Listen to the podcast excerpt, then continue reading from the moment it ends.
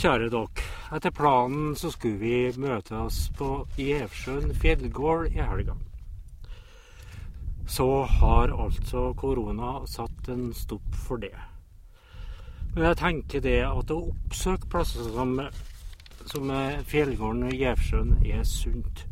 Langt bort fra kjøpesentrene og langt unna storbyen og dagens jag, der alt skal foregå så superkjapt og der vi helst skal beherske kunsten å multitaske, mens vi megetsigende utveksler de herskende tanker om at urbaniteten er framtida. At det grønne skiftet best lar seg gjennomføre der folk bor tett i lag og kan reise kollektivt, samtidig som vi nyter bilivets gleder i form av øl fra det lokale mikrobryggeriet, eventuelt en spennende svin fra Toskana, mens vi blir enige om at kulturlivet, friheten og dannelsen har de beste kårene nettopp her i urbaniteten, mens vi sukker tungt over bønder som lar husdyrene slippe ut tonnevis av skadelig metangass, mens de klager over at rovdyra et beitedyra. Sånn går det når man sender de uskyldige små lammene på beite i rovdyrets område helt uten tilsyn. Attpåtil vil de ha oss til å være med å betale for overproduksjonen deres. Som dere hører, verden fortoner seg unektelig annerledes sett ifra Gjevsjøen, Snåsa og plasser som Meraker, enn om man befinner seg på Grünerløkka, Aker Brygge i Oslo eller på Bakklandet i Trondheim. Og I Norge har vi ei ekstra utfordring i og med at Oslo ligger så avsides til. Øynene som ser, oppfatter helt forskjellige ting fra Løvebakken enn det vi ser fra f.eks. Gjevsjøen. Dette fenomenet er ikke noe nytt. Det er ikke noe som hører tidsånda til. Vel skjer ting raskere i dag med moderne teknologi, men spenninga mellom sentrum og periferi har bestandig fulgt mennesket. Og det nær sagt ifra sivilisasjonens begynnelse. Og det at vi i det som blir betrakta som utkanten, blir sett på som litt utdatert og treg, er heller ikke noe nytt. I Johannesevangeliets første kapittel så berettes det om de første disiplene. Philip traff Natanel og sa til ham, Vi har funnet ham som Moses har skrevet om i loven, og som også profeten har skrevet om. Det er Jesus fra Nasaret Josefs sønn. Kan det komme noe godt fra Nasaret, sa Natanel. Kan det komme noe godt fra Nasaret? I forhold til den religiøse hovedstaden Jerusalem og i forhold til Roma var Nasaret en søvnig avkrok. Heimbyen til Jesus besto på hans tid av en beboelse på omkring 50 familier. Strategisk var plassen så liten at den var uinteressant for de romerske okkupasjonsstyrkene, for de var mer opptatt av de større byene. Arkeologiske utgravinger gir ikke svar på om innbyggerne levde av handel eller av jordbruk.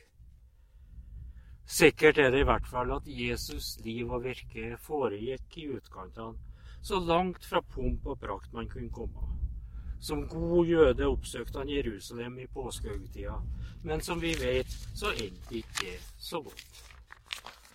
Til å være den nye jødiske kongen, Guds salvede, var både starten og slutten lite glamorøs. De eneste som annet lunta, var de tre vise menn, som uheldigvis satt Herodes på sporet av et guttebarn som kan true tru, true makta hans. Han ble født i en stall i Betlehem, og englene sang ikke for presteskapet og den religiøse eliten i Jerusalem, men for de fattige gjeterne på marka. Jesus' fødsel og virke var godt nytt. Godt nytt for oss alle, men spesielt for de fattige og nedbøyde, dem som ikke var regna med, dem som ikke var noe. Hvis man skal være nøkternt realistisk, kan man se på Jesus som en karismatisk vandrepredikant, omgitt av en tilhengerskare av helt vanlige folk. Eiendomsløs vandra de rundt i landet og forkynte det gode budskapet til fattige og nedbrutte, tollere og syndere, mens han helbreda de sjuke på kropp og sjel.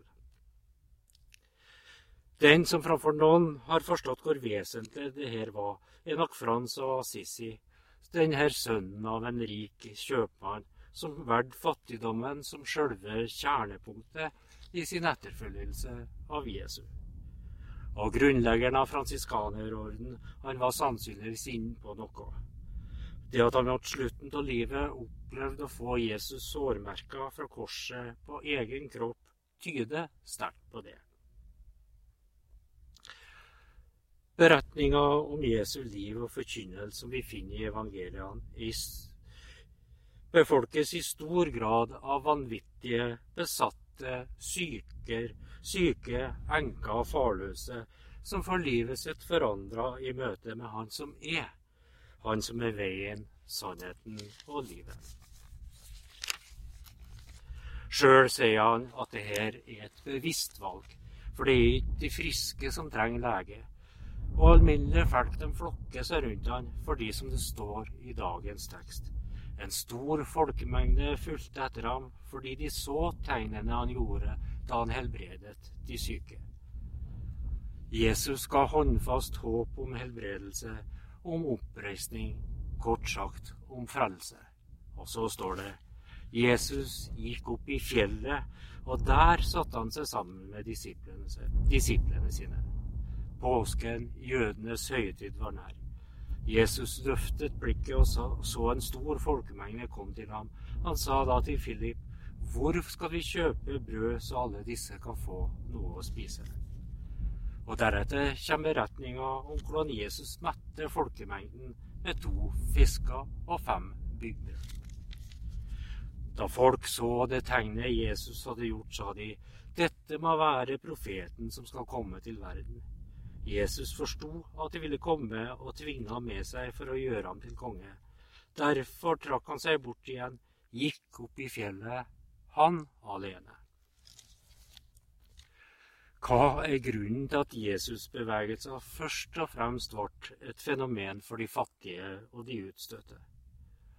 Nå må jeg skynde meg å føye til at det fantes folk også i den religiøse eliten og blant de mektige som trodde på Jesus. Et eksempel er Nikodemus, fariseer og en av jødenes rådsherrer, som kom til Jesus om natta. Men i all hovedsak er det nok rett å si at Jesus appellerte mest til såkalt vanlige folk. Og det er nok ikke sånn at Jesus mente at rikdom i seg sjøl gjorde folk uskikka for Guds rike. Men han så klart at materiell rikdom og makt hadde en tendens til å gjøre folk grådig og hard om hjertet. Den rike har gode muligheter til å vise barmhjertighet, men i praksis blir det gjerne sånn at mye vil ha mer. Når Jesus sier dere skal ikke samle skatter på jorden hvor møll og mark ødelegger, og hvor tyver bryter inn og stjeler, men dere skal samle skatter i himmelen der verken møll eller mark ødelegger, og tyver ikke bryter inn og stjeler. For der skatten skatten din er, vil også hjertet ditt være.